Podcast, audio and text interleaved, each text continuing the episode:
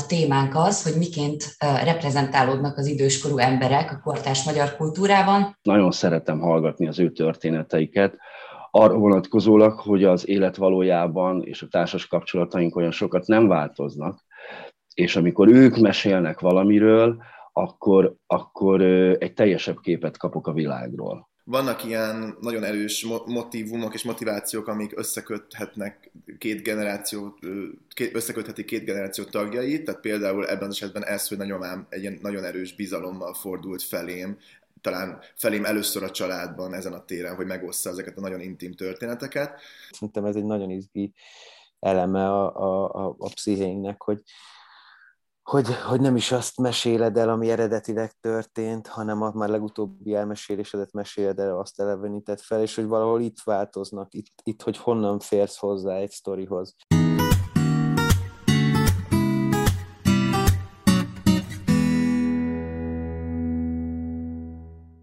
Szeretettel köszöntök mindenkit a Revizor szakmai beszélgetésén. Én Puskás Panni vagyok, a mai napon a témánk az, hogy miként reprezentálódnak az időskorú emberek a kortás magyar kultúrában, jelen vannak-e egyáltalán, és ha igen, akkor miként jelennek meg. Vendégeim Révész Bálint, a Nagyi Projekt című dokumentumfilm rendezője, Göndör László, a Nagymamával álmodtam című előadás létrehozója, és végül, de nem utolsó sorban, Sereglei András, aki a Káva Kulturális Műhelynél évekig, vagy hát a Káva Kulturális Műhelytől, de hogy évekig hozott létre közösségi színházi előadásokat idős emberekkel. Ez kávás projekt volt? Akkor most ezt így meg is kérdezem. Nem, nem, ez a Múszínháznak volt a projektje. Amikor elindult, akkor 60 pluszosokkal dolgoztam, most már 70 pluszosokkal dolgozom. És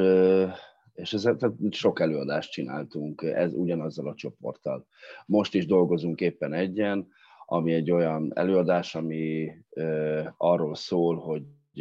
a nagymama szerepe a családban, mennyire szólhat bele egy család életébe egy nagymama az unokanevelésbe, és ezt az előadást visszük most Tiszalucra egy falusi közegbe, hogy erről beszélgessenek a nagymamák és a nagypapák. Aha, oké. Okay. Arra szeretnélek titeket megkérni, hogy csak nagyon röviden mutassátok be a projekteteket, hogy akik néznek minket és esetleg nincsenek képbe, azok egy nagyon kicsit képbe kerüljenek. Sziasztok, Rész Bányt vagyok. Én csináltam, ami ehhez kapcsolódik egy dokumentumfilmet, ami három nagymamának története, egy, egy ilyen összeurópai sztori, három idősebb nő és az unokáiknak a a meséje. Egy német, egy angol és egy magyar néni, meg az unokáikról szól ez a film, és kicsit, a, kicsit arról valahol, hogy, hogy ahogy mi unokák így felnövünk épp, vagy amikor épp felnőttünk, ilyen 20-ba 30-ak lettünk, akkor így próbáltuk felfedezni, hogy ők, ők hogyan lettek 20-ba 30-ak annó, illetve inkább 10-ből 20-ak, mert ők kicsit talán előbb nőhettek fel. És, és ez a kicsit, e, tehát erről a felfedezésről szól valahol, meg arról, hogy, hogy, hogy hogyan lehet őket még behűíteni ilyen 80-90 éves korukban is, és hogy partnerek a játékban. Köszönöm szépen. Laci? Sziasztok! Én is, vagy én a nagymamámmal készítettem egy színházi projektet, aminek egy nagyon jelentős része volt az, hogy egy hónapra beköltöztem hozzá tavaly decembertől januárig. Egy hónapra is ki sem mozdultunk onnan. Ez a projekt szerintem, főleg így visszatekintve már inkább arról szól, hogy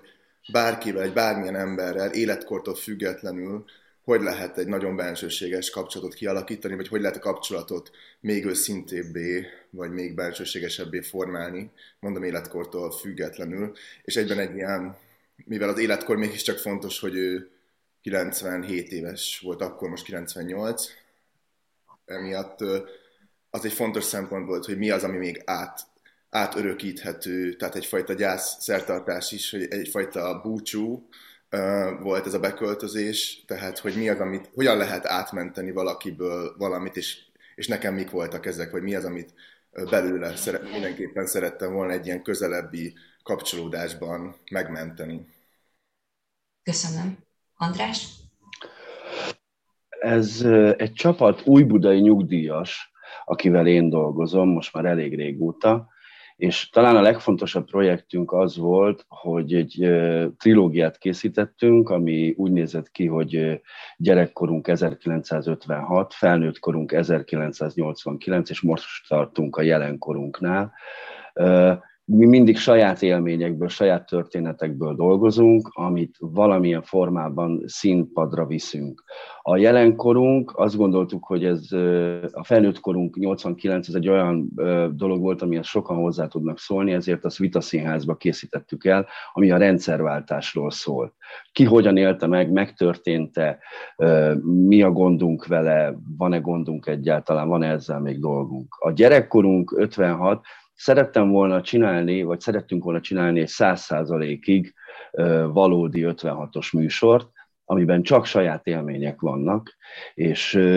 minden részvevő, majdnem minden részvevő élt akkor, és gyerek volt. És ezekből a történetekből készítettünk, tehát itt nem, volt for, nem voltak forradalmi események, hanem inkább az, hogy hogyan, hogyan sétáltak a, a Móri Zsigmond körtéren a tankok között, és ezekből készítettünk egy előadást. És a jelenkorunk pedig azokat a kérdéseket feszegeti, hogy 70 pluszosan mennyire lehet saját életem, vagy mennyire kell föláldoznom magam a családomnak, mint nagymama vagy nagypapa. Tehát mi mindig saját élményekből, és ezt mindig meg is mutatjuk valamilyen színházi forma keretében. És eszembe jutott, hogy talán volt még egy az ezüstlakodalmas történet, az a szerelemről szólt? Az a párkapcsolatról és a szerelemről szólt, és abból volt egy olyan változatunk is, amikor középiskolákba vittük ki az előadást, tehát egy csapat nyugdíjas együtt dolgozott 16 évesekkel, és arról beszélgettek, hogy a szerelemben és a párkapcsolatban valójában mi a fontos. Mhm. Oké. Okay. Köszönöm. Én nekem van egy gondolatom erről, ez most egy kicsit általánosabb kérdés lesz. Nagyon érdekel, hogy ti mit gondoltok róla, hogy miért találkozunk ilyen kevésszer ma műalkotásokban idős emberek élethelyzetével, problémáival, és, és hogy, hogy, hogy ti miért kezdtetek bele ebbe? Egyrészt egy nagyon késői gyerek vagyok, és a nagyszüleimből nagyon keveset kaptam. Elég korán meghaltak. Most már a szüleim sem élnek, tehát ez nekem egyfajta terápia is, hogy idős emberek között legyek, és, és amikor az ember velük dolgozik, akkor megtanul egyfajta türelmet, és, és nagyon felértékelődnek azok a dolgok, amit egy idős ember képes adni a világnak. És ez nem csak a tapasztalatról beszélek, hanem ahogy ők látják az élet mintázatát. És ugye szerintem társadalmilag van egy ilyen fordulópont, vagy paradigmaváltás, hogy az új generációk sokkal többet tudnak a világról, akár tárgyi szinten is, mint az idősek. Tehát nincs tudás átadás, viszont engem borzasztóan érdekel az, és nagyon szeretem hallgatni az ő történeteiket, arra vonatkozólag, hogy az élet valójában és a társas kapcsolataink olyan sokat nem változnak, és amikor ők mesélnek valamiről, akkor, akkor egy teljesebb képet kapok a világról. Tehát, hogy az életemből nem kihagyhatóak az idős emberek véleménye, és szerintem a társadalomból sem. És ez egy, szerintem egy, mindannyiunknak egy nagyon fontos utazás. Ők egyrészt nagyon szeretnek fiatalokkal együtt dolgozni, a következő projektben egyébként egy kamasz csoporttal fognak együtt dolgozni, és nagyon, nagyon fontos számukra, hogy a világból még mennyit tudnak elkapni mennyit tudnak újraértékelni. És ez így az én koromban, ez egy nagyon érdekes dolog ilyen idős emberekkel együtt dolgozni, amiket elmondtam, tehát hogy a, a világ mintázata egy egész másfajta fénytörésben látható. És az, hogy a társadalom miért, miért én ezt nem annyira látom így egyébként, hogy, hogy az időseket, hogy is mondjam, csak kiszorítanák, mivel hogy egy előregedő társadalomban élünk, tehát hogy mondjuk a, a gerontomúvi, tehát hogy, hogy a, az akcióhősök is egyre öregebbek, a bosszú történetekben is egyre öregebb akciósztárokat vesznek elő, mert ők a fizetőképes kereslet, ezt mindannyian látjuk, de hogy, de hogy szerintem az, ahogy ők megkeresik a helyüket mondjuk a digitális világban, megkeresik a helyüket a közösségi életben, az, az szerintem nagyon-nagyon érdekes, és az egy javuló tendenciát mutat szerintem. Legalábbis egy nagyvárosban, mondjuk egy olyan kerületben, mint Új-Buda. Ne, nekem, ö, én azért kezdtem el foglalkozni, hogy nekem is ilyen, ilyen ö, életrajzi, vagy ilyen saját ö, dolgom, extra dolgom volt talán a nagyanyámmal, mert ö, mert kicsit ő nevelt fel, így az apám korán meghalt kiskoromba, és emiatt így nagyon sokat lógtam a nagyanyámmal, és viszontos mennyiségi történetet mesélt, és ez a történet folyam, ami, ami, ami, így megosztódott velem, kicsit így ebben nőttem fel. Ezeknek egy része ilyen történelmi, de nagy része az ő személyes dolog, és, és valahogy nem tudom, én, én nekem, ami ilyen, ilyen személyes indítatás volt ebben az egészben, leginkább az az, hogy valahogy, hogy ahogy így felnőttem, így realizáltam, hogy van, hogy van egy ilyen perszóna, amit felveszek a nagyanyámmal, vagy ami így, amit így kigyakoroltam így a tínédzser éveim alatt, és hogy, és hogy hogyan bontom le, vagy épp, majd mondjuk ez nem is igaz, mert már le, lebontódott, de hogy valahogy erre reflektálni erre a perszónára, és hogy valahogy az ember hogyan, hogyan vesz részt egy ilyen családi ö, szituációban úgy, hogy, hogy így kivetít magáról valamit, és közben meg ott, ott marad alul a, a, a belsőny, és ott nézegeti a dolgokat, de közben játszik egy szerepet. És ez, nekem ez volt a legizgalmasabb, és hogy valahogy ezen keresztül, vagy nagymamám ilyen türelmén, meg, meg, meg sztoriaink keresztül kicsit azt vettem észre, hogy így, hogy így szükségtelenné vált ez a perszóna, és hogy és aztán végül kicsit erről is szól valahol szerintem ez a film, hogy így, hogy ott vagy, és valahol és hallgatod ezeket a történeteket, amik, amik sokszor unalmasak, meg repetitívek, meg, meg ö, érdektelenek, vagy nem tudom, de, de ott van, a, mondjuk nem tudom, száz órát ülsz, és hallgatod a, a nagyit, és abból lehet, hogy csak nem tudom, 20 perc, vagy nem tudom, 5 perc izgi, de, de azért végig kell hallgatni ezt a 100 órát, és ez az 5 perc, az, vagy legalábbis nekem nagyon megéri, hogy megérte. És hogy valahogy kicsit erről szól szerintem sokszor a, a, ez a játék, hogy így visszaadod azt a türelmet, amit, amit ők ad, adtak feléd, vagy nem adtak mindent, de hogy egy ilyen türelmel állsz ez az egészhez, és hogy, hogy van, hogy beleraksz annyit, hogy így elérjed a, a, ezeket a protokoll körökön túli igazi magtudást, vagy legalábbis én, én ezt éreztem ö, sokszor. Hogy Említetted nagyon... ezt a, bocs, csak említetted ezt a, ezt, a, ezt a persona dolgot. Ez mit jelent pontosan? Ezt kicsit kifejted? Más, másnak mutattad magad, és hogyha igen, akkor milyennek? Vagy ez, ezt hát, hogy, hogy pontosan érteni? Igen, hát egy olyan, olyan karaktert vettem föl, vagy egy, azt játszottam, hogy hogy ne, ne lehessen észrevenni, hogy én nem tudom, hogy én közben egy teljesen más életet élek, mint amit, amit mutatok, vagy nem tudom. Szóval hogy a, nagyon, nagyon sok minden nem tudott volna elfogadni abból az mondjuk a tin, tini életből, amit én nyomtam, és hogy egyszerűen elejét venni a, az izgulásnak, a hisztériának, a nem tudom minek, és, és egyszerűen csak meg, úgy, e, e, megmutatni, hogy itt minden rendben van. De ezen a film aztán változtatott, nem? Hát már a film előtt is, tehát hogy mire ebbe a filmbe belekezdtünk, addigra már volt egy olyan távolság a nagyanyámmal, ami, ami így előidézte, hogy ez a percon ez így meg, megsemmis, vagy nem megsemmis, de hogy így érdektelenné vált. De, de közben meg a, az erre való reflektálás az akkor indult meg, tehát hogy ez a percon az inkább egy ilyen zsigeri dolog volt, ezen nem gondolkodtam de amikor elvesztődött, vagy így, vagy így levetkőztem, akkor kezdtem el gondolkodni, és akkor a persona, nem persona kettősség már egy ilyen izgi sztorivá vált, és akkor igazából a filmben is kicsit ebben, ebben foglalkoztunk, hogy én próbáltam ebbe, vagy engem ez is érdekelt. Lehet, hogy nem jön el. Laci nagyon bólogatott, mint hogyha tudna erre reflektálni valamit. Igen, én, ez közben felszabadító, is volt a Bálintot hallgatni, mert én egy nagyon durva personát alakítottam ki szintén a tínédzser kora, vagy szintén tínédzser koromban, és az ember ilyenkor úgy éli meg, hogy ezt csak ő csinálja, ezt a gonoszságot, meg ezt az őszintétlenséget, és tök jó hallani, amikor más is hasonló. És ez tényleg érdekes, hogy ez mennyire általános. Van egy ilyen érzésem, hogy igen, és ennek mi az oka, az egy másik kérdés. De igen, hogy én, én is azt hiszem, hogy ezt nagyon erősen felvettem, egy ilyen jóságos, nagymamát kiszolgáló, az ő értékeivel azonosuló, azt szerint cselekvés, azt szerint élő ember. Ez nyilván azt kellett, hogy egy hatalmas, egy ilyen morális pakkot kaptam tőle, már gyerekkoromtól kezdve, úgy szerintem bár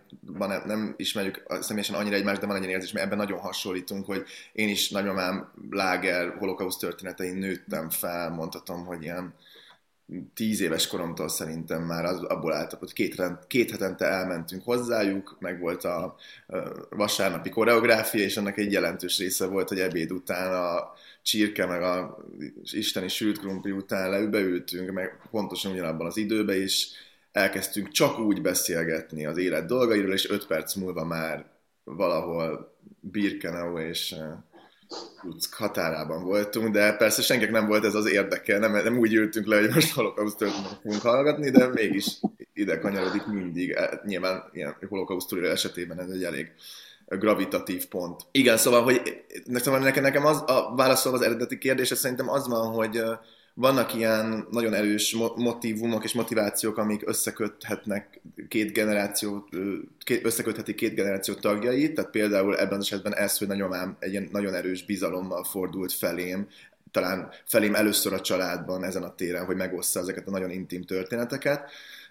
ami egy azonnali nagyon erős szövetséget és kapcsolatot alakított ki közöttünk, de a kér, tehát egyrészt ez kérdés, hogy van-e egy ilyen kapcsolódás egy másik generációbeli emberrel. A következő kérdés pedig az, hogy, hogy vagy elég motiváltak el ahhoz, hogy azt a türelmet és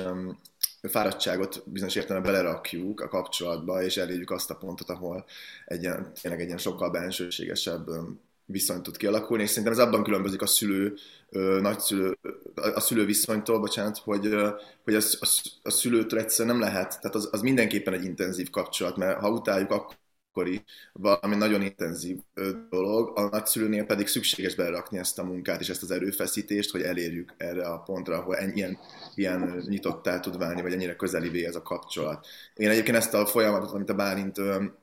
amire a Bálint utalt, ez a megnyílás, vagy ennek a personának a feloldása, én ezt ebben az egy hónapban tettem meg, tehát ez nekem is egy különösen fontos része volt, feladatom volt ebben az időszakban, hogy ez megtörténjen. Már csak azért is, és ez, is egy érdekes szempont, hogy ezek az emberek, tehát hogy most milyen haszna van, hogyha most ilyen csúnyán fogalmazunk, egy másik, egy, egy idős ember közelségének, szerintem például az egy haszna, hogy ezzel a iszonyatos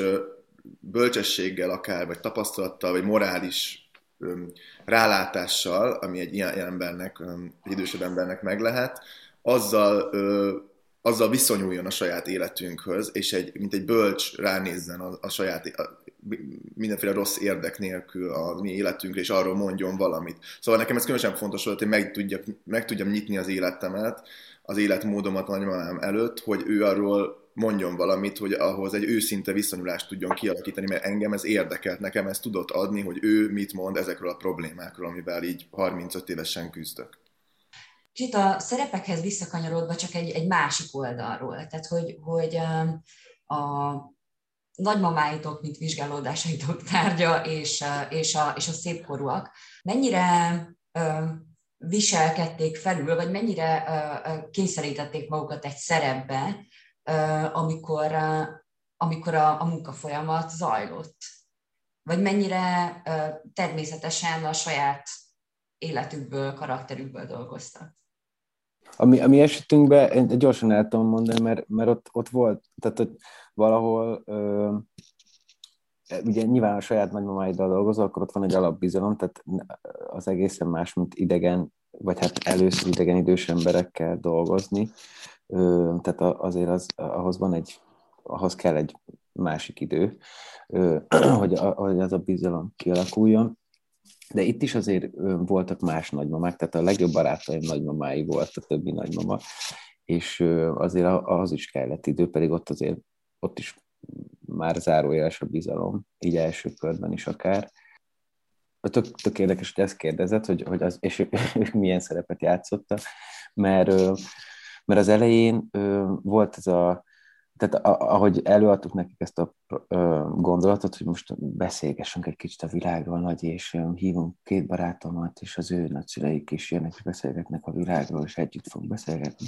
akkor ott az elején ilyen, ilyen, ilyen lózunk, ilyen izé, lózunk hegyek voltak, és mindenki elmondta az ilyen olvasmány élményeiből, amiket így merítve így gondol a világról meg nem tudom, akkor így végmentünk csomó minden, és igazából nagyon kevés hasznos anyag jött ki, de arra tök jó volt, hogy egyáltalán ezt megértsük, hogy ott, hogy ott most elindulnak ezek a, én így gondolkodom a világról, és ezt átadom nektek is így, ez is ez van. És hogy sokkal, sokkal nehezebb, sokkal, tehát például mondjuk csapatban a többi nagymamával együtt nem elérhetőek olyan érzelmi területek az egyes nagymama esetében, amik, amik később, amikor egyedül forgattunk velük, akkor elérhetőek lettek. Tehát ez például egy tök izgi eleme volt az egésznek. És akkor a másik, ami kicsit egy ilyen önző dolog, hogy így, hogy tehát, hogy amikor mi megkérdeztük, igazából ez nem egy kérdés volt, hanem hogy így, ahogy nem tudom melyik őtök mondta, de hogy ők abszolút partnak akarnak fiatalokkal lógni, és amikor megkérdezi a 20 éves unokája, hogy figyú, nincs kedved elmenni a két legjobb barátommal nyaralni egy hétre, akkor így hiszen nincs ez a nagymama, aki nem mondja azt, hogy vagy nagyszülő, vagy nyilván van, de hogy így ritka, hogy, hogy ne legyen partner egy ilyenbe. És, és nem csak, hogy partner, hanem onnantól kezdve meg megy a, az ízítás valahogy, legalábbis nálunk az volt, hogy, hogy meg is akar felelni, hogy ő, hogy ő egy cool nagymama, hogy ő egy izé, laza nagymama, hogy ő nem tudom, és akkor ennek különböző válfajai vannak, hogy ő a Skype-os nagymama, vagy ő nem tudom milyen nagymama, szóval hogy ott, ott már egymás túl teljesítése vagy, és az tök izgi volt, hogy, hogy e- ezt így realizálni, meg, meg azt, hogy ebben van egy ilyen nagy pedagóguség, hogy nem az van, hogy az interjú alanyod azt megkért, hogy figyú, ez egy nagyon, nagyon ez egy problematikus utazás lesz, és van kedved ezen részt venni, hanem hogy na, megvannak a jegyek, akkor jöttök. és hogy ez egy ilyen más, más kaliber. Akkor folytatom én, mert szerintem nekem, nekem ennél problémásabb a dolog. Ugye ők nekem ilyen pót nagyszülők tehát, hogy ők valahogy úgy tekintenek rám, mint hogyha egyszerre, egyszerre lennék a csoportvezetőjük, meg talán egy kicsit a, a, a gyerekük is. Tehát, hogy, és ez, a, és ez az ide-oda csúszkálás, ez azért hasznos, tehát, hogy többnyire ez azért nem szokott olyan kellemes lenni, a szerepek ide-oda csúszkálnak, mert hogy itt egy színházi munka folyik, és ők nagyon meg akarnak felelni ennek a dolognak, nagyon profin akarnak dolgozni és sokszor van az, hogy nekem ebből a rendező szerepből, de most már nagyjából ebbe vagyok folyamatosan, inkább, inkább simogatnom kell őket, hogy, hogy a színház az egy olyan dolog, amit, hogyha stresszből csinálunk, sose lesz jó. Az nem, nem arra való, az egy örömműfaj. És inkább akkor beszélgessünk egy kicsit, és majd felrakjuk ezt a jelenetet. Nem baj, hogy a szöveg nincs bent. Akkor, akkor, akkor mondd el azt a, azt a, azt a receptet, hogy vagy hol voltatok a hétvégén, egyébként iszonyú mennyiségű utaznak egyébként, nagyon sok felé megfordulnak így, de rengeteg programjuk van, tehát, hogy az én szerepem így a kettő között csúszkál, mert végül is nagyon elvárják tőlem azt, hogy ennek a végén legyen egy ilyen formája, és legyen előadás is, ők erre készülnek, és hívnak embereket egyrészt, másrészt meg olyan is vagyok, hogy olyat is kell csinálnom, ami, amit mondtatok, ez a vasárnap délutáni beszélgetés. És bevallom, nem tudom eldönteni, melyiket szeretem jobban, amikor ők úgy beszélgetnek egymás között, és én kérdezgetem őket, vagy amikor ebből egy jelenetet készítünk, hogy mit jelent az, amikor egy nagyszülő támogatja a gyerekét, és hogy ennek milyen buktatói vannak, és hogy meddig lehet ebbe elmenni. Tehát, hogy egyrészt iszonyatosan feltölt ez a munka engem, másrészt nagyon érdekes számomra az, hogy, hogy hogyan, hogyan hogyan váltogatom én is ezeket a szerepeket, és hogyan, hogyan lépek be bizonyos dolgokba, hogyan engedek el bizonyos munkafolyamatokat pont azért, hogy, hogy ez meg később megtérüljön. Mert nekem van egy, tehát hogy felém van egy ilyen elvárásuk, hogy akkor elkészítjük ezt az előadást, és az legyen kész. Viszont én nagyon szeretném, hogyha ők nagyon jól éreznék magukat ebben a munkafolyamatban. Szerintem nekem ez a legfontosabb ebben az egészben, hogy ők, ők jussanak el egy olyan folyamatba, vagy ők, ők jussanak, menjenek végig egy olyan folyamaton, ahol egy kicsit erre a dologra rálátnak, és egy kicsit máshogy gondolják. És, és, és igenis van erre igényük, tehát hogy nagyon jó látni azt, amikor, amikor fölteszek kérdéseket ezzel kapcsolatban, és újra és újra átfogalmazzák a véleményüket, és egyre több minden derül ki számukra is arról a bizonyos problémáról. Azon gondolkodtam, hogy a, ez az őszintesség kérdése, meg ezeknek a szerepeknek a ledobása, hogy ez nem még csak mindig ezen, még rájöttem, hogy nem teljesen tiszta még mindig, hogy ez mennyire hasznos egyáltalán teljesen megválni ezektől a szerepektől, vagy érdemes-e megtartani valamit pont a, pont a, a másik védelmében, vagy a másik szolgálatában. Nem tudom, nagyon érdekelne egyébként, hogy ki, ki hogy van ezzel, mert ne, ne, nyilván bennem se történt egy teljes szerep ledobás, hanem egy, egy sokkal nagyobb fokú megnyílás történt, de nyilván vannak dolgok, amit teljesen értelmetlen feltárni. Én ugye csak a nagymamámmal voltam, tehát ez egy én értem a legegyszerűbb helyzet talán, de mégis elkezdtünk mind a ketten ráfeszülni nagyon az elején erre, hogy most itt valami nagyot kell dobni, ez az én ilyen sikerambícióm is benne volt, neki pedig hát nyilván az az iszonyatos nyomás, hogy kicsit az volt a kontextus ennek a munkának, hogy ő belőle most az ő történetei, tehát így indultunk neki, hogy az ő történetei és az ő mm, fontos kinyilatkoztatásai, megnyilvánulásai velem kapcsolatban, azok, azok most így fennmaradnak, és erre ez az egy hónapunk van ebben az életben, ever. És, és ezt most erre fogjuk használni, úgyhogy ez egy iszonyú nyomás. Én akkor ebben nyilván nem tudtam az ő részére belegondolni, én csak arra, abba gondoltam bele, hogy, ne, hogy, hogy mennyire fontos lenne, hogy ez jó legyen. és, és nyilván egy nagy görcsös erő, erő, erőködés lett mindkettőnk részéről, és ő igazából, ha versenyről volt szó a Bálint filmje kapcsán, akkor itt ő is versenyzett, de a világ összes emberével, vagy az összes nagymamájával. Tehát, hogy ő, az, ő, ő, belőle most ez megmarad, és hogy az övé olyan legyen, hogy én arra büszke lehessek, hogy nekem az hasznot húzzon, ő mindig innen közelítette meg, hogy ez, ez hasznos se nekem, ez, ez, ez lesz-e belőle siker nekem, hogy jó lesz nekem, amiket mond, és, és nyilván iszonyú, olyan, mint, mint most egy interjúban, hogy az ember utána most lemegy egy egy óra, és utána megbánja, hogy jaj, az sokkal fontosabb lett volna, meg ezt kihagyta, meg azt kihagyta, meg pontatlanul fogalmazott, neki nyilván ez az egész életére vonatkozóan ez egy ilyen görcs volt, tehát hogy igazából ő próbálta a legjobb arcát, meg a legérdekesebb történeteit mutatni, és akkor ez a görcs, ez így lassan-lassan oldódott az egy hónap végére, és szerintem az egyetlen ilyen igazán, tehát hogy ez végig jelen volt ez, a, ez az akarás, és a vége fel tehát hogy neki is ez volt, lett végig is a personája, egy ilyen igen, és a, és a vége felele volt szerintem egy ilyen nagyon felszabadult éjszakánk, egy buli, amit az előadás tematizál is, vagy, vagy, vagy, vagy félig meddig megjelenik, amikor, amikor vége lett a projektnek, akkor tudtunk úgy lenni, ahogy szoktunk, úgyhogy nem volt ott semmilyen felvevő um, eszköz. És, és de, közben, de közben az is nagyon érdekes, hogy az ember mit akar, hogy akar, min görcsöl, szóval, hogy ez, ez, ez az előadásnak az egész egy hónap lett volna, tehát végül is nem lett egy fókusza ezen belül, hogy nem tudom, milyen részkérdéssel foglalkozunk, hanem ez az egész folyamat lett végül az előadás ilyen dramaturgiai építő gerince. Mennyire szól ez a történet róluk, és mennyire szól rólatok? Ugye nál, a Bálintnál és Lacinál felmerül ez a transgenerációs téma, és, és Andrásnál pedig talán úgy módosítanám a kérdést, hogy egy ilyen alkotó folyamat mennyire szól a rendezőről. És mennyire tudnak ők partnerként, vagy igen, alkotóként részt venni benne? A színház az egy alkalmazott művészet ebben a dologban. És arról szól inkább, hogy a folyamat legalább annyira érdekes, mint az, ami elkészül, és amit megmutatunk a nézőknek. És az, hogy én, mint rendező, nekem, nekem hogy mondjam, tehát ez a klasszikus rendezői vízió és mondani való, az valójában eltörpül amellett, hogy, hogy ők mind mennek keresztül. Csak egy dolgot hadd mondjak el, amikor az 56-os műsort készítettük, nagyon sok történet került elő, és aztán egyszer csak kiderült az, hogy, hogy nem tudták eldönteni, hogy aznap sütött a nap,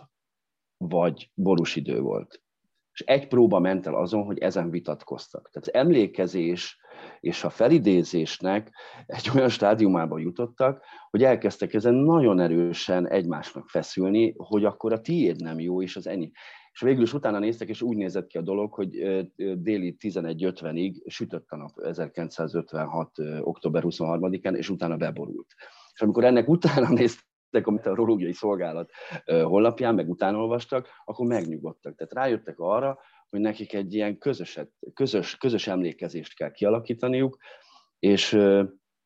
és az a, visszatérve az előzőre, amit a, amit a Laci mondott, hogy, hogy jaj, az én történetem nem annyira érdekes, tehát hogy so, ennél sokkal fontosabb történetek vannak. Én ezzel ugyanúgy, nekem ezzel ugyanúgy dolgom van, és minden egyes embernek a történetét, ha az egy mondatban leírható, vagy hogyha hat oldalban leírható, ugyanúgy bele kell, hogy kerüljön az előadásba, mert szerintem ez dolga egy ilyen munkafolyamatnak. Tehát van, van, van ilyen, hogy aki azt mondja, velem semmi nem történt, és aztán beszélgetünk, és kiderül, hogy, hogy mit tudom én, valahol ők egy, akkor éppen elfoglaltak egy házat mert akkor voltak ilyen, ilyen akciók is. Tehát akkor, hogy ez milyen érdekes, és milyen fontos és nekem, nekem gyakorlatilag, tehát nem is rendezőnek nevezni magam, mert az, ami ezekbe az előadásokba bekerül, azért az nem arról szól, hogy én milyen technikai tudással tudok felrakni valamit, hanem arról, inkább menedzselem ezt a folyamatot, hogy mindenkinek a története, mindenkinek a mondani valója 1956-ról, 1989-ről vagy napjainkról bekerüljön ebbe, és egy nagy közös vélemény legyen arról, ami, ahol mindenki elfogadja a másikét és mégis ad egy összképet. Tehát, hogy az ő véleményüket és az ő, ő mondani valójukat egy pillanatra sem írhatom felül, fogalmazhatom át, tehetem más kontextusba. Ez egy nagyon fontos szabály ennél a, ennél a munkánál, és éppen ezért ez, a, ez az én véleményem, ez maximum annyiban ö, jelenik meg, hogy én iszonyatosan kíváncsi voltam például a rendszerváltásra, mert én akkor kamasz voltam, és semmi nem maradt meg belőle. 56-ra még nem is éltem. Tehát, hogy mindenről csak egy ilyen, egy, ilyen, egy ilyen képi, meg írásos lenyomatot kapok, és amikor egy ilyen személyes történeten keresztül ismerem meg azokat a napokat, az nekem borzasztó érdekes. Nekem ennyi bőven elég ebben a dologban és nem, nem, nem szeretném belerakni a véleményemet sem a rendszerváltásról, sem 56-ról. Engem az ő véleményük érdekel. De amikor mondjuk jelenetek készülnek ezekből a történetekből, akkor az óhatatlanul újra konstruálja ezeket a, tehát hogy mondjuk az elmesélés aktusa is persze, de... Azt mindig kontrollálnom kell, és mindig vissza kell kérdeznem, amikor fölkerül egy jelenet, hogy erről van szó? Ez így megfelelő? Tehát a, a, a történet gazdájának igent kell rá mondania. Én nem mondhatom azt, hogy ezt átrendezem egy kicsit, meg legyen ilyen, hogyha ő azt mondja, hogy na de ez nem így, ez nem erről szól. Tehát mindig, mindig neki a végén rá kell tenni a pecsétet, hogy ez, ez a jelenet arról szól, ami a történetben van. Nálunk kicsit más volt, mert, mert, kicsi, mert valahogy érvényes volt, tehát a, a, a történet, vagy a keret a gondolat az az volt, hogy az ő sztoriaikat a mi szűrünkön keresztül nézzük, tehát hogy mi nem kérdeztük meg, hogy szerinted ez igaz marad-e ezután, mert az egész kicsit arról szól, hogy, hogy mi interpretáljuk azokat a történeteket, és a mi esetünkben az alkotó folyamat, tehát nem a szereplés, az alkotó folyamat kicsit arról szólt, hogy kúráljuk a sztorikat, megtaláljuk azokat, amik nekünk és nekik elér, vagy hogy mondjam, mindkettőnket segít az elérésben, és valami olyan emocionális folyamatra koncentrál, vagy abban, annak az elérésében segít, mag, mint maga a, a történet, ami, ami nem feltétlenül, hogy mondjam, lexikális, vagy ilyen történelmi pillanatok, hanem a szökés pillanata, az átverés pillanata, a árulás pillanata, szóval azok a dolgok, amik, amik segítenek utána a szereplőket, ö, helyzetbe hozni, meg, után, meg, meg minket inspirálni, hogy, hogy, hogy valami olyan ö, akció alapú dologgal ö, ö, tudjuk ezt kiszedni belőlük, ami, ö, ami, ö, ami, ami izgalmas tud maradni képen, ö, vagy hát, tehát, hogy szituatív. Szóval nekünk kicsit ez, ez volt a, a, a kihívás, vagy maga a, a munkafolyamat, és nyilván mi szereplőként is, vagy én szereplőként is benne voltam filmben, és aztán később, ahogy mondjuk egy év vagy két év távlatából visszatekintettem a filmre, talán az volt a, az ilyen érezhető rendezői stikli, vagy nem tudom, ö, negatívum, hogy, hogy valahogy talán a saját karakteremet nem ö,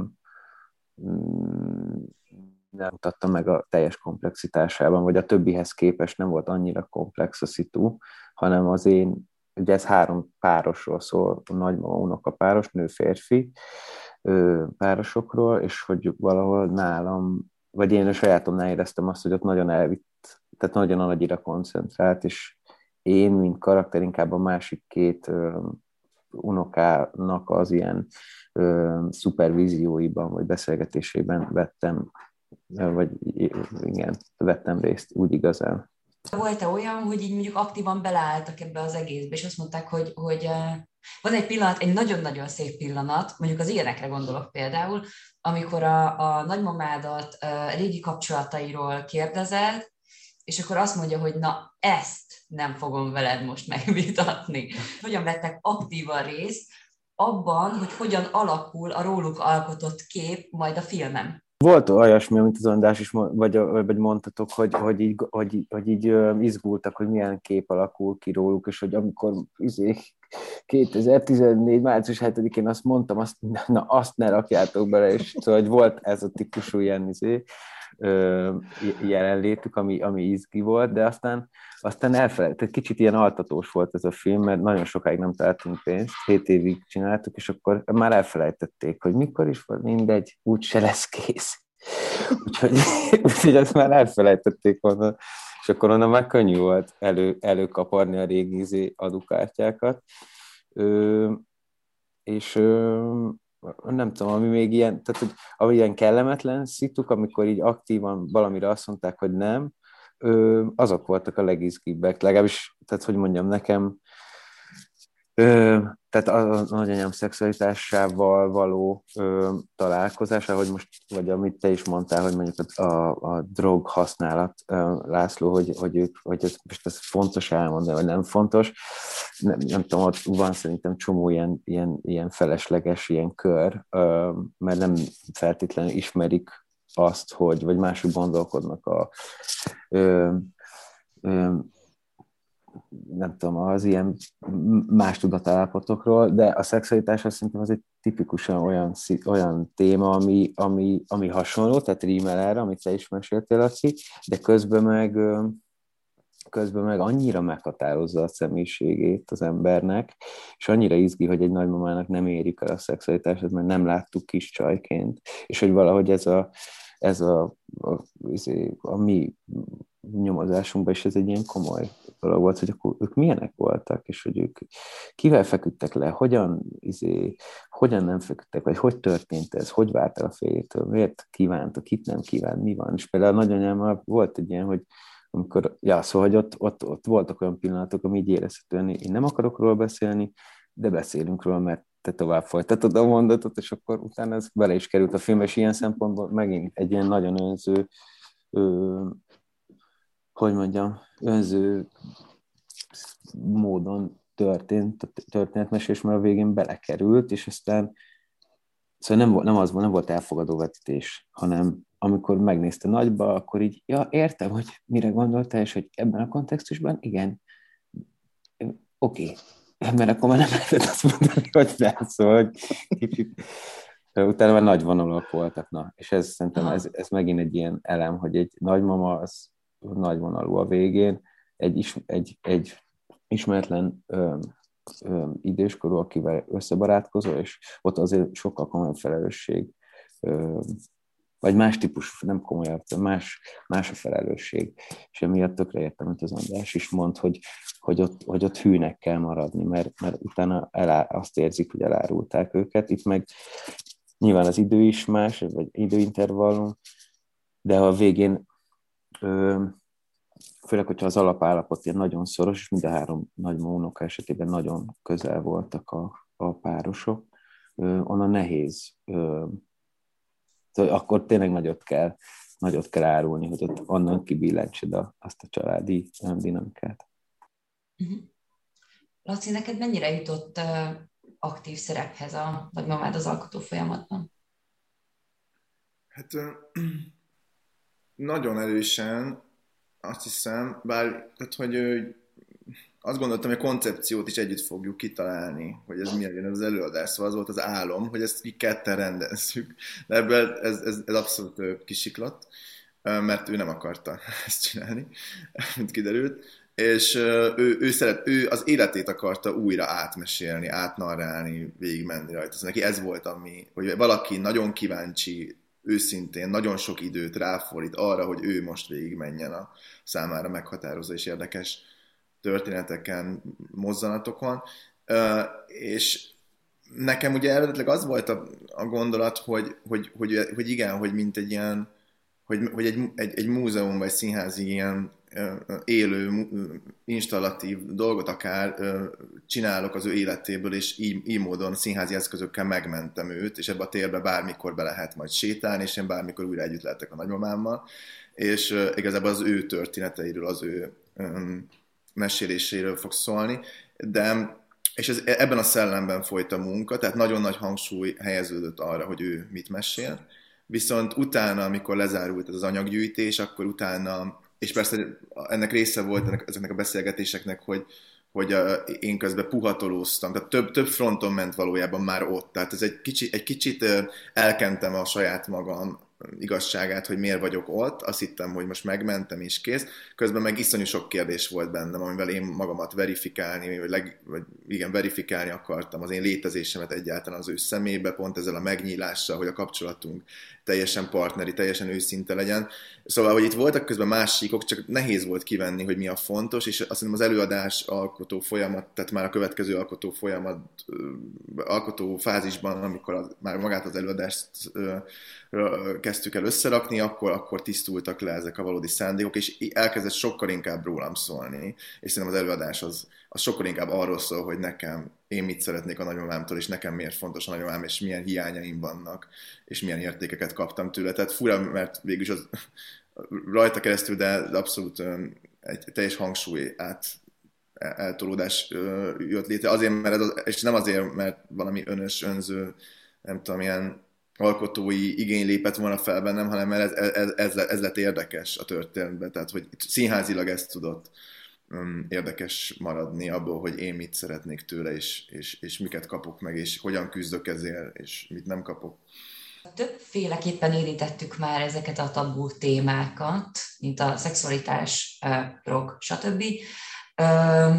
Melyek a nógózónák, vagy azok, azok a melyek voltak azok a helyzetek, amik, amikkel ilyen szempontból a legnehezebb volt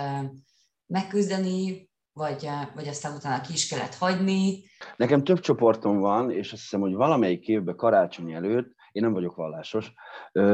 kérdezgettem a, a kiskamaszokat, hogy kinek milyen a vallása. És így körbe mentünk, és akkor volt egy azeri kislány is, ő beszélt a muszlimról, ami nagyjából úgy nézett ki, mint mondjuk egy vidéki református közösség, tehát amikor kell elmegyünk, egyébként nem sokat foglalkozunk vele, meg fölvesszük ezeket a dolgokat, és mindenki így elmondta, egy körbe mentünk, és akkor hát, hogy ő keresztény, ő katolikus, ő nem tudja milyen, ő zsidó, és ezen így beszélgettünk így karácsony előtt, egy vallási ünnep előtt. És rögtön utána volt próbám az idősekkel, és mondom, akkor megkérdezem itt is. Na most azt a lefagyást, ami, ami bekövetkezett ezután, tehát a negyedik, ötödik ember után már, már nekem jöttek, hogy ez most miért fontos. És én pedig így teljesen nem értettem, hogy mi történik. De hát, hogy engem csak így érdekel, nekem nincs vallásom, de érdekel. És, és addig, addig ö, ö, valaki mondta, hogy de én el akarom mondani, én meg, ő meg azt mondta, ő erről nem akar beszélni. És rájöttem, hogy ez egy egész más helyzet. Tehát egy olyan ember, aki leélt x évet egy olyan országban, ahol a vallással ennyi probléma volt, ez egy olyan kulturálisan mélyen lévő dolog, elvittek, bebörtönöztek, nem vállalhattam, bla bla bla, hogy, hogy abban a pillanatban az egész magyar 20. századot egy pillanatra így, átfordult és láthatóvá vált, hogy mit is jelent ez a dolog, miközben egy mélyen keresztény országban élünk. Nagyon-nagyon érdekes volt. És aztán soha többet nem feszegettem ezt a dolgot, de rájöttem, hogy vannak bizonyos dolgok, amik, amik így nem azt mondom, hogy a mélybe szunnyadnak, csak nekem már egészen mást jelentenek, és azt nem forgatgathatom úgy, mint, mint az, hogy mit gondoltok arról, hogy, hogy, hogy milyen zoomolni. Tehát, hogy ez egy egész más dolog, olyan kulturális rétegek vannak elrejtve, egy ilyen taposóaknak, amire én nekem sikerült rálépnem de nagyon érdekes volt, és aztán a következő próbán elnézést kértem tőlük, és azt mondtam nekik, hogy bocsássatok meg, nem gondoltam volna, hogy, hogy ez ilyen, ilyen hullámokat indít el, és azt hiszem, hogy én voltam az érzéketlen ebbe a dologba. És utólag visszagondolva tényleg, tehát idős emberektől ezt megkérdezni, ez szerintem az egyik legnagyobb modortalanság ebben az országban. Nekem ez volt a legerősebb. Azért nekem ez új. Tehát, hogy én... én Nagyon valami... érdekes volt. Aha, tehát, hogy, hogy valószínűleg én is simán feltettem volna ezt a kérdést, mert tulajdonképpen ugye, és persze 89 után is, meg a mai napig, nem tudom, ez, ez egy vita téma tud lenni, de hogy azért azt, azt hittem, hogy 89 után valahogy ezt így mindenki meg akarja élni, és fel akarja vállalni. Na jó, oké. Okay. És uh, Laci, nálatok? Tabu témák? Nálunk azt hiszem az, első, ami így eszembe jut, mint az Andrásnak egy ilyen legelső, ilyen legerősebb élmény, az a, az a halállal kapcsolatos téma, ugyanis mi nagymamám ezt nagyon élvezzem benne, vagy mindig is én élveztem, hogy, hogy én iszonyatosan felszabadultan lehet a halálról beszélgetni, és, és, és, és tényleg azt hiszem, hogy tabuk nélkül, és, és hogy ez milyen király, hogy én megkérdezhetem tőle bármikor, szinte, hogy hogy akar meghalni, vagy mit érez, mennyi van még benne, öm, ilyesmi, és, és, és, és akkor erről volt, volt egy nap, amikor úgy nem, lehet, hogy nem voltam elég érzékeny a lelki állapotára, vagy nem ismertem, vagy nem tudtam elég jól empatizálni azzal, hogy éppen ő hogy van aznap, és valahogy hogy az, az volt a kérdés a fejemben, hogy milyen érzés az, amikor lefekszel, amikor lefekszel, és, és, és tudod azt, tehát már a lefekvéskor megvan az a tudat, hogy lehet, hogy ez az utolsó éjszaka, és egyszerűen csak nem kezd fel. Engem ez a kérdés, ez ilyen zsigerileg izgat. Én magam is nagyon sokat foglalkozom a halállal, és sok halálfélelmem van. Nekem ezzel vannak isújaim, azt hiszem, és emiatt engem ez nagyon érdekelt, és egyszerűen annyira túlfeszítettem a húrt ebben, hogy ő teljesen, teljesen racionálisan, intellektuálisan válaszolt, hogy, hogy egy ponton igazából elakadt. Tehát, hogy jól kezdett, tök jól kezelte, nem, nem, nem, ebben nem lehet belegondolni, vagy valami ilyesmit mondott. És akkor másnap kaptam egy ilyen visszajelzést, olyan fura rossz volt a hangulat közöttünk, és, és mondta, hogy, hogy nagyon megkínoztam. Ennyit mondott igazából, és, és ez akkor nagyon megérintett. Um, igen. Szóval ez egy, ez egy olyan zóna, ami olyan látszólag olyan felszabadultan lehetett, és, és rengeteget adott egyébként az, ami, ahova sikerült eljutnunk, de ez egy nagyon-nagyon veszélyes terület volt a, a látszat ellenére. Ez az egyik, a másik pedig, nálunk a szexualitás az nem, nem, nem volt probléma, nem mentem túl mélyre azért, tehát mondjuk én a saját szexuális szokásaimat mondjuk nem tártam fel, ő sem a pontos preferenciáit, de, de mondjuk azon, hogy csevegtünk, hogy nézett, néz, milyen pornót nézett annak idején. Nyilván itt a pornó alatt nem a mai pornót kell érteni, azt hiszem, hanem egy ilyen sokkal lájtosabb verziója, de hogy ilyen, ilyen, ilyen témákban uh, simán elmentünk, és volt egy nagyon meglepő uh, no amikor megnézettem vele a Mulholland Drive-ból egy jelentet, és mert volt egy tervem vele, hogy valamit kezdünk azzal ketten egy játék, és utána mondta, hogy megint egy ilyen fagyás volt, és mondta, hogy, hogy az irracionális, irracionalitás területére ne. Tehát, hogy ne, ebbe az irányban ne. Tehát a, őt nem érdekli a transzcendens, a misztikus, ez, ez, a projekt nem menjen ebbe az irányba, mert, mert ezt nagyon nem szeretné. És akkor volt egy ilyen, ott is egy ilyen nagyon fura hangulat, hogy oké, okay, akkor csak beszélgetünk, és semmi ilyen misztikum nem lesz.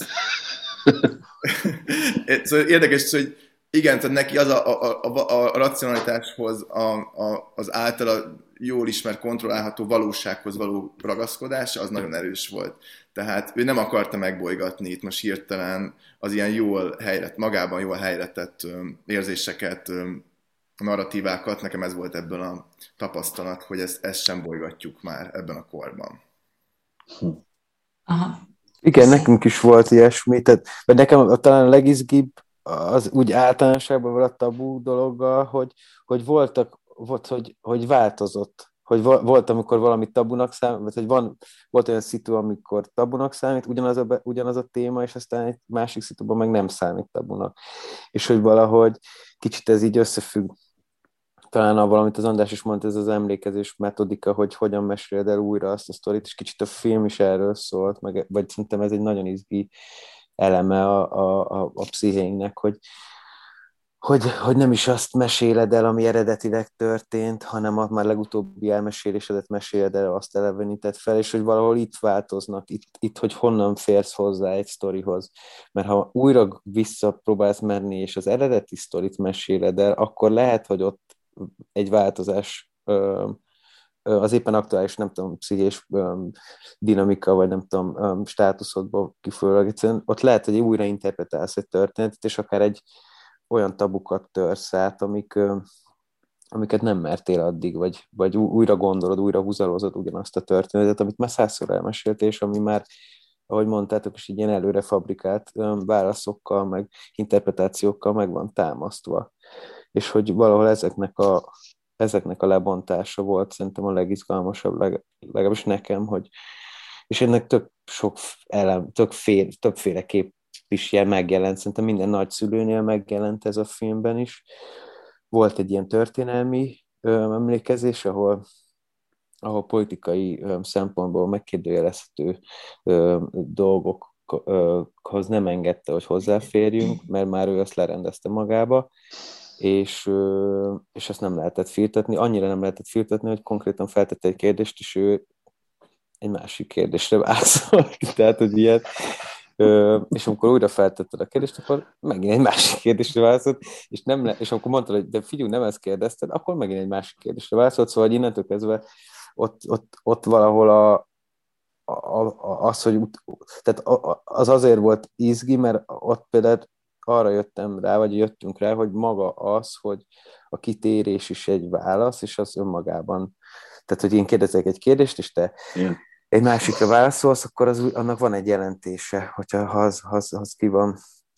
az ki van um, nem tudom, na, szóval, hogy igen, annak van egy jelentése, azt, azt szerintem az nagyon izgi volt. Akkor volt ez, a, amit az előbb is, amit az először meséltem, hogy, hogy van egy sztori, ami, aminek, ami már interpretáló volt egyféleképpen, meg ki van találva, hogy ezt hogyan helyezzük el, és egyszer csak valamiért újra az eredeti sztorira emlékezik, és az első ö, gondolatai, vagy az első, hogy mondjam, ahogy vacilált még, amikor először dolgozta fel ezt a történetet, hogy onnan jönnek be ö, impulzusok, és nem,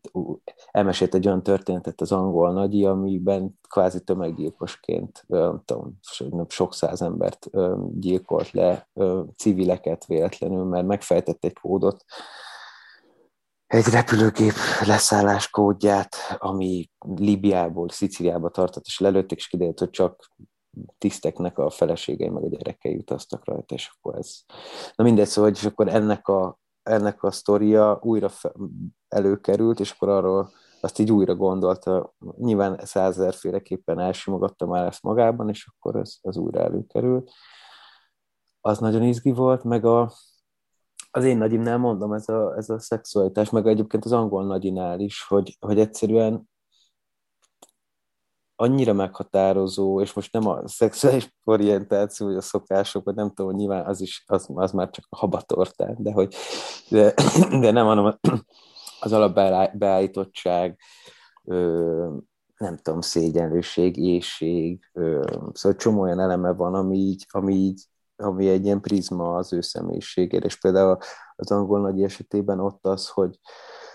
hogy ami benne is került a filmbe, hogy kiderül viszonylag korán, hogy a férje homoszexuális, és az a kis csaj, aki 19 évesen beleszeret egy ilyen tízbe, az annak a szexuális éjsége, vagy, vagy a, hogy mondjam, a, a, a romantikus elképzelései, hogy hogyan, hogyan működik egy házasság, teljesen átalakul, és, és ebben valahogy az ő viszonyuk is átalakul, meg ennek a nőnek a belső gondolatisága, és ezt nagyon szépen le tudtuk követni, mert, meg, mindenről írt naplót. Igen, de azt akartam mondani, hogy nekem az a fura, hogy azt mondod, hogy tabu az ő szexualitása, miközben a naplóit tulajdonképpen a rendelkezésetekre bocsátotta, amik, a, amiben aztán tényleg így rengeteg-rengeteg dolog le van írva, vagy elloptátok tőle? De nem, ö, már, már, é, már é, életében ö, ö, rendelkezésünkre bocsátotta, de akkor valahogy nem, nem gondoltuk izgének, és aztán akkor meghalt utána pont izgalmasnak gondoltuk, ami elég gyanús így ö, kívülről, de, de nem meg volt az engedélyünk, vagy mint hogy, hogy ja, életében még mondta, hogy nyugodtan olvassatok bele, és ott igazából a tabu az később alakult ki, tehát ott a, gyerek, a gyerekek, akik ugye egy mm, klasszikus családi vagy modellben akartak utána később, hogy problémamentesen nőjenek föl, élni, tehát hogy ott, ott már ugye a nagypapa ott már meghalt, tehát ott már csak a gyerekek a gyerekek mencsvára volt az, hogy ezt ne bajgassuk, mert akkor megkérdőjeleződik csomó minden. Tehát a gyerekek, itt kvázi a szülőkről beszélek, tehát a barátomnak a szülője, ennek a nagymamának a fiáról, meg annak a testvéreiről, és hogy itt a tabu tulajdonképpen onnan van, ö, onnan van ö, megtámogatva, és ez szerintem tök izgi a többi, ö, vagy a, a mi családunknál is, meg a német családnál is, ez, ez egy ilyen nagyon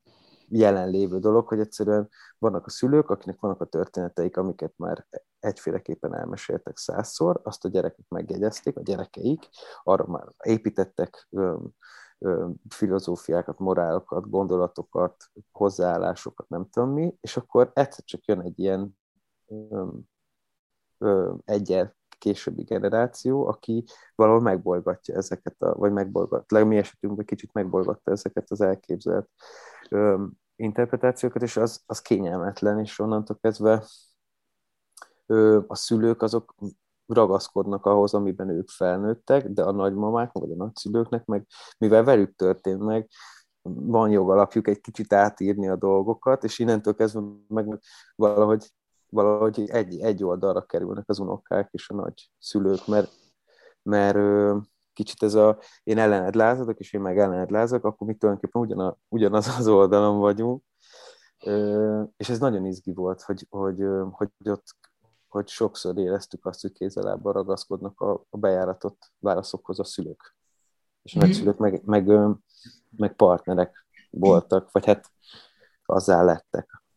hogy, hogy újra gondoljuk ezeket a, a kérdéseket, vagy válaszokat én, én csak azt, azt akartam hozzátenni, hogy pont az ilyen transgenerációs szorongások, problémák, stresszek enyhítésében és feloldásában nagyon kulcs szerepe lehet annak, hogy ezekhez a tabukhoz és titkokhoz hozzáférünk-e, és újra tudjuk-e narrálni azokat a családi narratívákat, amiket kapunk. Ez, ez ott ezek ilyen tényleg ilyen kripták, ilyen, ilyen szorongás kripták, amik, amikből ki lehet szabad, szabadítani ezeket az értelmezéseket, és felold, valamilyen fajta feloldozást kapni. Például nálunk volt egy titok, amire felvét, tehát nem vettük föl, felvételen kívül hajlandó volt elmondani nagymamám, és mivel azért megígértem neki, ezt soha senkinek nem mondom el, ezért ez most továbbra is egy titok marad. De... Ah, Léci. Nem áll! Na jó, bakker, jó, csak most. Jó. szóval ez csak egy olyan jellegű dolog, ami, amihez fűződött egy nagyon erős narratíva a családban, mint egy ilyen legenda, és kiderült, hogy egyáltalán nem úgy van, és ez egy kis dolognak tűnhetett akkor, de aztán én elkezdtem érezni, hogy valahogy nagyon felszabadítóvá kezdett válni az, hogy ja, hogy ez nem így van, hogy nem tökéletes ez a család, kicsit ez ilyen típusú titokról van szó, szóval nem valami szörnyűség, de hogy mégis az, hogy fú, ők is ilyen emberek. Mert nálunk nagyon volt, nagyon erős például az a családi nyomás, hogy morálisan, intellektuálisan így ilyen nagyon-nagyon magas szintet kell képviselni, mindig is ez egy óriási, bennem ez egy óriási stressz sokszor, hogy így kb. tökéletesnek kell lenni és tökéletes mód, módon megfelelni ennek a családi elváltnak. És még egy ilyen történet, ez nagyon, ez, ez kiderült, ez nagyon felszabadító volt, és újraírt valamit bennem. Aha. lassan a, az idők vége. Mondjad, bocs. Kérdezhetek valamit, hogy Laci, melyik volt ez a Mulholland Drive jelenet? Felhagytálgassak? Amikor, izé, amikor a, a drive mögül a csávó, izé, a, Igen, a, igen. a kis A di- szörnyecske? Igen, a diner A scene. diner, meg igen. Jaj, az És nagyon miért épp az? Elmondod, hogy miért az? A- Onnan indult a dolog, hogy nagyon már nagyon jól tud angolul, és ennek akartam valami lenyomatát hagyni a felvételekben, és én tudtam annak a, tudtam a szövegét ennek a jelenetnek angolul. És ezért ez csak egy játéknak indult, hogy mondjuk össze, és, ö, és, és, és nagy, nagyon durva volt, mert nagyomám egy ilyen négy-öt felolvasás után majdnem kívülről tudta az ő részét. Ő volt a, a nem tudom, a filmben is homályos a pszichológus, vagy az ismerős, tehát nem a, és Aki, álmo, aki álmodik, nem? nem, az én voltam, aki álmodik, és a, a hallgató, aki Ja, ja. volt a nagymamám, de hogy azért nagyon durva volt, hogy 97 évesen kb. olyan gyorsan tanult szöveget, mint én. De, és, és, és, egyébként pedig később rájöttem nagyon, nagyon furcsa összefüggések, hogy az a jelenet az hogyan vonatkoztatódik a mi együttlétünkre. Szóval lett egy ilyen nagyon furcsa jelentése aztán számra. Ö, időnk lassan a végéhez közelít, én még egyetlen egy dolgot szeretnék tőletek, ö, hogyha tudtok rá röviden válaszolni. Ha nem, akkor lehet hosszan is végül is. A, mit tanultatok ezekből a munkákból? Talán, hát a- ami ilyen teljesen egyértelmű, vagy amilyen személyes, az, hogy, hogy egy kicsit egy ilyen nyomozás volt a saját sztoriaimba, tehát hogy, hogy, hogy a saját nagyjámat megértve igazából magamat is megértem, és hogy valahol az, amit az elején is mondtam, ez ilyen felnőtté válás, az az első 20, 20 éves korait, vagy 20-30 között kicsit így magad meg, megkeresed magad, és arra így nagyon, arra, abban nagyon sokat segített, szerintem. Ö, de hogy ilyen univerzális érték érintve, Ö, Fú, hát nehéz, nagyon nehéz kérdés. Még hagyom a többieket is gondolkodni. Én nem tudom ezt így megfogalmazni. Tehát egyrészt nagyon nehéz ö, valami, valami olyat mondani, ami, ami, aminek olyan értelemben van értelme, hogy miért hasznos ez a munka. Én ilyet nem tudok mondani. Én azt tudom mondani, hogy amikor velük dolgozom, akkor látva azt, ahogy ők kezelik a múltat és az elmúlást, ezt a két fogalmat, könnyebbé válik, vagy kicsit csökken a szorongásom a saját elmúlásommal kapcsolatban. És, ez, és ez nagyon megértettem, hogy miért foglalkoznak emberek idősekkel, mert ez, egy, ez, egy, ez nem véletlen, hogy, hogy, hogy nekünk együtt kéne élnünk az idősekkel, mert ez napi szinten olyan, olyan, olyan stresszoldó és olyan fontos dolog tud lenni, hogyha egy ideig nem dolgozok velük, akkor komolyan hiányozni kezd ez a dolog. És az, a, az elmúláshoz kapcsolódó szorongásaim, molyolásaim, gondolataimba sokkal termékenyebbek és előremutatóbbak lesznek, hogyha idős emberekkel dolgozom. Én ezt csak így tudom most megfogalmazni. Uh-huh. Szuper. Laci? Hú, sok minden eszembe jutott, és még nem elég betisztult, amit gondolok erről. De nekem is az, hogy um, valahogy az, az a fajta partnerség, amik ilyen, ami, nem tudom, tényleg egy, egy ilyen tökéletes párkapcsolathoz tudnám hasonlítani, ami az ember keres, és soha nem talál meg, eleve kizárt, és ezt csak a nagymamámmal találtam meg ezt az állapotot, hogy nem akarunk igazából egymástól semmi, semmit, nem akarjuk így manipulálni egymást semmiben, nincsenek ilyen nagyon durva érdekeink, csak annyi, hogy ilyen nagyon, ilyen ős nyugalmat találtam meg mellette, és ez, amiről András beszélt, ez, ez a fajta stresszoldó hatás a, a, nyomám közelségének, ez nekem ez iszonyatosan fontos volt mindig is, és kicsit tovább menve, amit nekem, nekem fura módon, a, amikor ott vagyok mellette, akkor csökken a halálszorongásom, de amióta nem vagyok vele olyan intenzíven, akkor azóta újra erős sajnos. Nem tudom, újra meg kell látogatnom valószínűleg igen, tudom csinálni, de egyébként pedig a, a, a, igen, a felnövés, a, a, a halállal való szembenézés, annak az elfogadása, az egyed, a leválás egy ideaképről számomra nagyon erős volt, hogy, hogy, hogy ő egy ilyen tőle származtatódik az élet, az összes érték, a mindenség, ő egy ilyen iszonyatosan piedesztel emelt személy az életemben, egy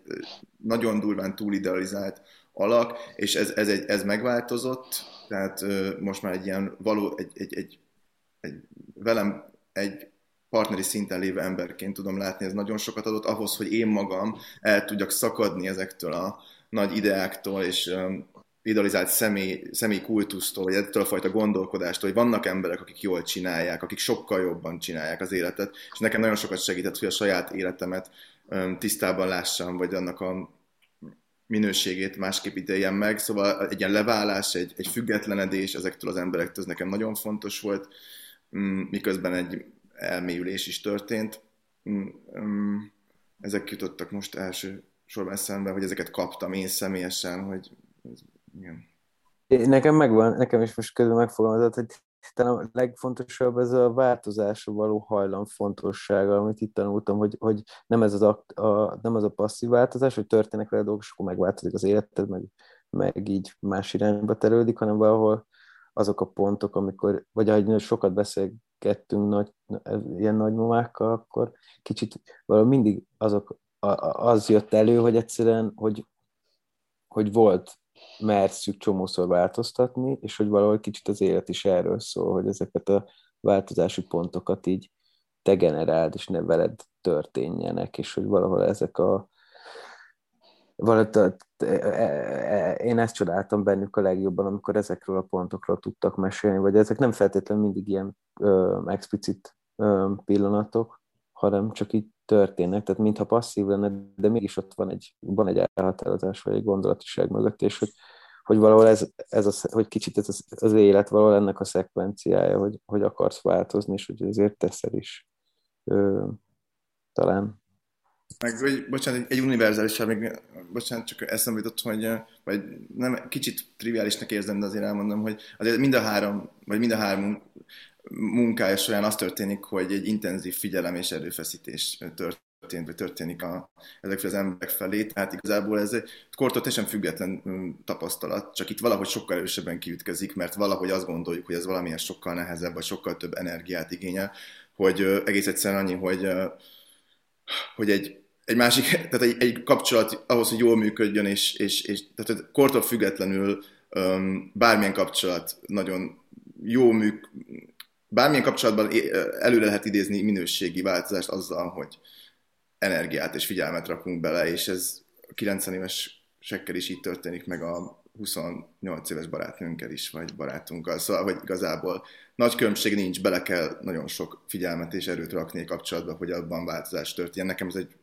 bármilyen triviális is, de egy ilyen olyan kézzelfogható tapasztalásá vált.